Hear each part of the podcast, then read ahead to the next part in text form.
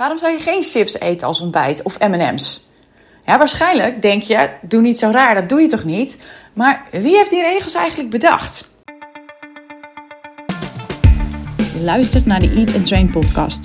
Mijn naam is Laura Bleker en ik help je slank worden en blijven door middel van no-nonsense voeding en mindset coaching. Laten we afscheid gaan nemen van je dieet mindset, zodat je trots op je lijf wordt en rust in je hoofd krijgt. Let's go! Goed dat je luistert. Vandaag wil ik het met je hebben over eetregels. En misschien is het je opgevallen, daar is al een andere podcast over. Maar omdat het zo'n essentieel onderwerp is binnen je relatie met eten, ga ik het gewoon nog een keer doen, maar vanuit een iets andere invalshoek. Als ik het namelijk heb over hè, dit voorbeeld van chips of MM's als ontbijt, dan is de kans heel groot dat je denkt: nee, dat doe je toch niet? Maar, hear me out. Wie heeft bedacht dat dat niet bij je ontbijt kan en wel s'avonds op de bank? Ja, dus dat kan niet als je net uit bed komt, maar wel als de kids eindelijk in bed liggen en jij eindelijk je Netflix momentje hebt of omdat het vrijdag is. Ja, die regels die zijn ooit door iemand bedacht en die zijn nu een soort omgangsvormen geworden waar jij je aan houdt. En ik ook, hè? begrijp me niet verkeerd. Maar wat ik je wil laten inzien is dat we allemaal bepaalde eetregels hebben of eetkaders. En hoe krom het eigenlijk is om die op te volgen zonder er iets langer over na te denken. En mocht je afvragen, verschil eetregels en eetkaders. Een eetregel is echt vanuit dieetcultuur en iets wat opgelegd voelt. Wat je volgt omdat je denkt dat het het juiste is omdat iemand anders je dat verteld heeft. Of omdat je denkt dat je daardoor afvalt. En een eetkader is datgene wat ik noem de, de handvatten waarvan jij hebt gevoeld en getest dat het voor jou werkt. En je kiest daar volledig voor en je bent er blij mee. Ja? Nou, heb je al een fijne relatie met eten? Ja, dan kun je zeggen van, joh, waarom zou ik ook maar een seconde nadenken over waarom ik geen chips als ontbijt eet? Wat trouwens interessant is, is dat het vaak bij de lunch, als je een club sandwich bestelt, krijg je het ook. En dan is het wel in één keer ook weer geaccepteerd. Hè? Dus bij de lunch en avondeten mag het wel, maar s'morgens niet. Um, waarom ik het op deze manier aankaart, dus, dus vanuit die insteek van hey, wie heeft dit bedacht, is dus omdat je eerste reactie, om bij die chips te blijven, um, is: hey chips als ontbijt, dat is niet gezond. En als ik dan zeg, ja, maar je eet het s'avonds wel, dan vermoedelijk, als we nu een uh, real-life conversation zouden hebben, dan ga jij andere redenen benoemen waarom je geen chips of M&M's als ontbijt wil. Namelijk dat je je lichaam een gezond ontbijt gunt met voedingsstoffen, een fijne start van de dag met lekkere energie om er echt even tegenaan te kunnen. En dat je je licht en fris wil voelen en niet een hoop vettigheid eigenlijk al in je buik zoals morgens vroeg, waardoor je nou ja, misschien wel een beetje viezig voelt. Uh, lekker aan de start van de dag. En misschien zeg je wel al nee tegen M&M's als ontbijt, omdat je weet dat je daarna de rest van de dag zin hebt in zoet en dat je dat niet wil. Chips en um, andere vormen van gefrituurde aardappel hebben trouwens hetzelfde effect op je suikerspiegel um, als suiker. Um, dat weet niet iedereen, dus dat wilde ik toch nog even benoemen. Maar kortom, je wil dus je dag goed beginnen met een lekker gevoel. En chips of M&M's geven je niet dat gevoel en daarom doe je het niet. Ja, wie die regels ook bedacht heeft, dat is waarom je het niet doet.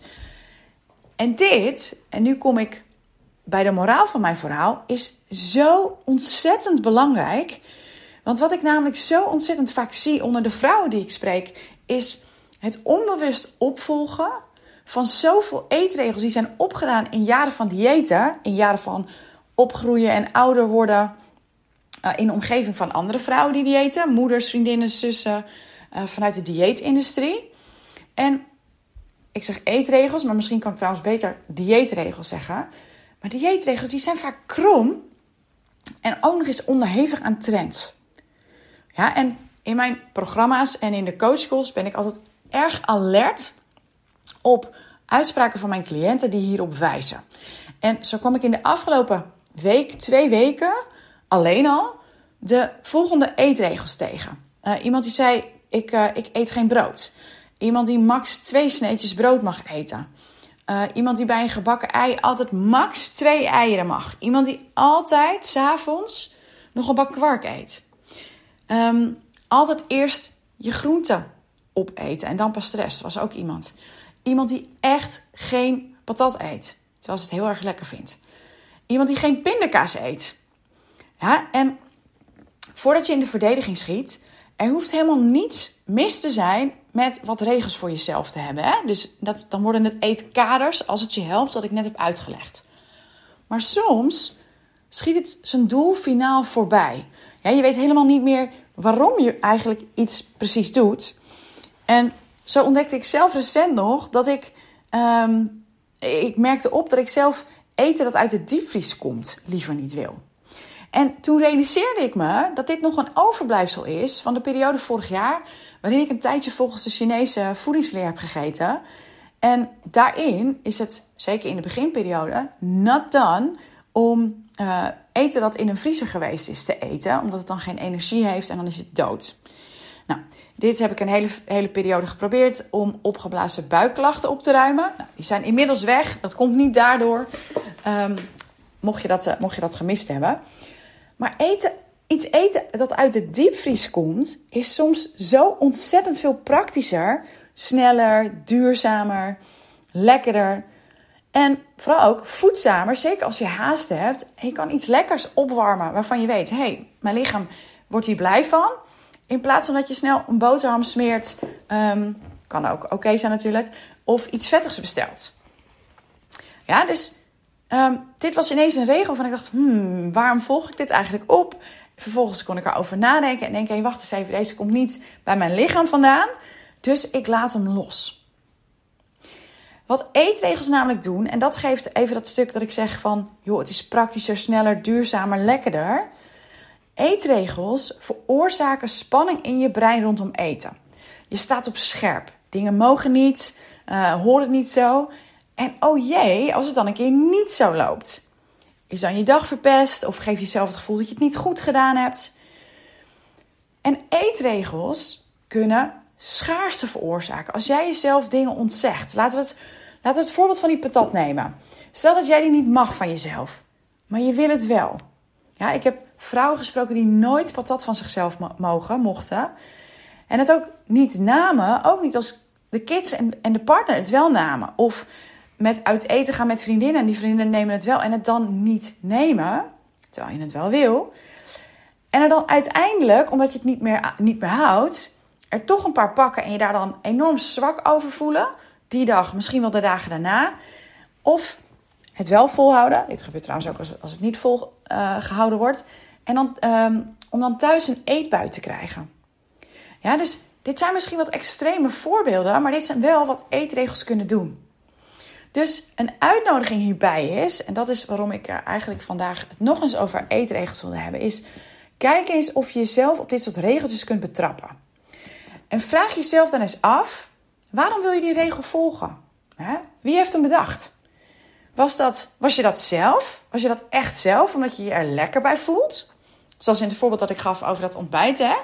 Of denk je dat je het juiste doet, omdat het je ooit zo verteld is? En als dat het geval is, durf jij die regel dan eens lekker te negeren en gewoon eens te kijken hoe je je voelt. Ja, dus even inchecken bij jezelf en je afvragen van, hé, hey, wat doet dit eten voor me? Welk gevoel krijg ik er fysiek van? Is dat energie? Vind je darmen het fijn? Is het fijn voor je stoelgang? Uh, slaap je nog lekker daarna? Is het op termijn fijn voor je huid? En ook mentaal. Wat doet het eten voor je mentaal? Krijg je er een dopamine kick van? Ja, waardoor je steeds een beetje meer wil. Hou je een gewoonte mee in stand die je niet wil? Of voel je er super lekker bij en denk je van... hé, hey, deze frisse energie die uh, werkt mentaal door. En is dat een heel, heel fijn gevoel. Als jij een fijne relatie met eten wil, dan is dit, dat, dat voelen, dat ervaren... dat is waar je je beslissingen rondom eten op wil gaan baseren. En strenger doen met de eetregels die iemand anders voor je bedacht heeft dat creëert spanning en schaarste. En zelfs, dit is nog belangrijk om te benoemen, zelfs strenger doen met goed voor jezelf zorgen, werkt niet. Want dan ben je ook spanning aan het creëren. Zo van, oké, ik ga nu heel gezond doen en dan gaan we dat um, heel streng doen. Of ik ga nu goed voor mezelf zorgen. En wat ik dan ook wel eens zie, is, is cliënten die dan boos op zichzelf worden als ze niet goed voor zichzelf zorgen. Nee, dat is uiteindelijk ook niet hoe het werkt. Ja, je wil inchecken bij jezelf? Hoe wil je je voelen? En wat gun je jezelf, fysiek en mentaal? En op die manier wordt dat eten, waarvan jij nu je nog steeds, uh, waarvan jij je nu steeds voorneemt om het niet te eten, maar je doet dat toch steeds, wordt dan ineens aanzienlijk minder interessant. Ik hoop dat je me kan volgen. Volgens mij, ik ben een beetje uitgeweid, uitgeweid. Ik ben een beetje van mijn plan uh, af, wat ik precies wilde vertellen. Dus ik hoop dat het, uh, dat het wel nog een beetje te volgen is. Waar het om ging is het volgende. Kijk eens naar welke eetregels je allemaal hebt. Schrijf ze eens op. Misschien kun je ze zo uit je hoofd doen. Misschien ontdek je gedurende de week. Hou je eventjes in je notes-app eh, bijvoorbeeld wat dingen bij als je, het op, uh, als je het opmerkt in het moment. En vraag je dan af, bij wie komt dit vandaan? Is dit een oude dieetregel? Of is dit iets waar ik me fijn bij voel? En als leuke aanvulling daarbij, als je het aandurft...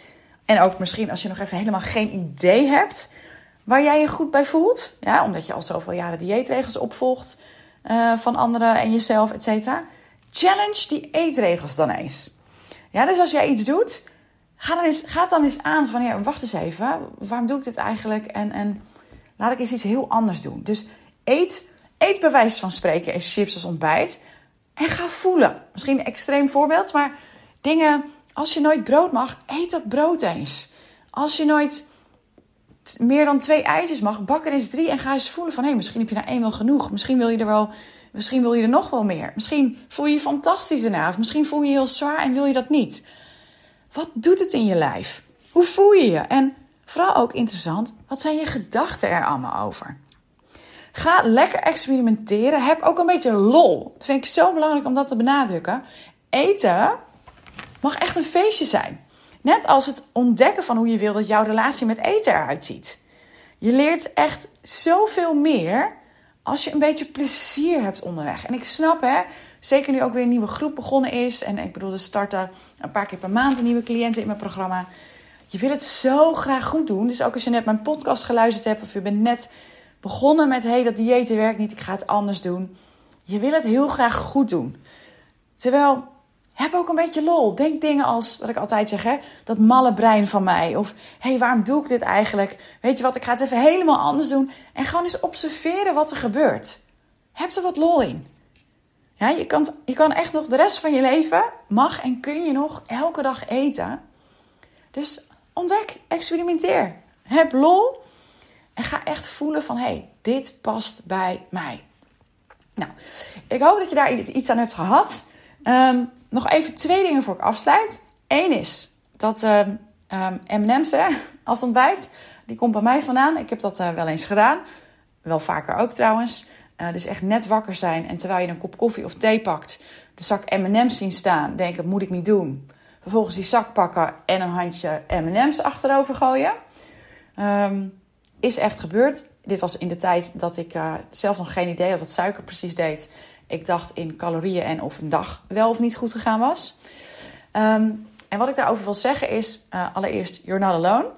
Maar vooral ook als je je hierin herkent, hou de podcast in de gaten. Um, ik heb iets in de pijplijn zitten. Ik moet het idee nog even uitwerken over eetbuien.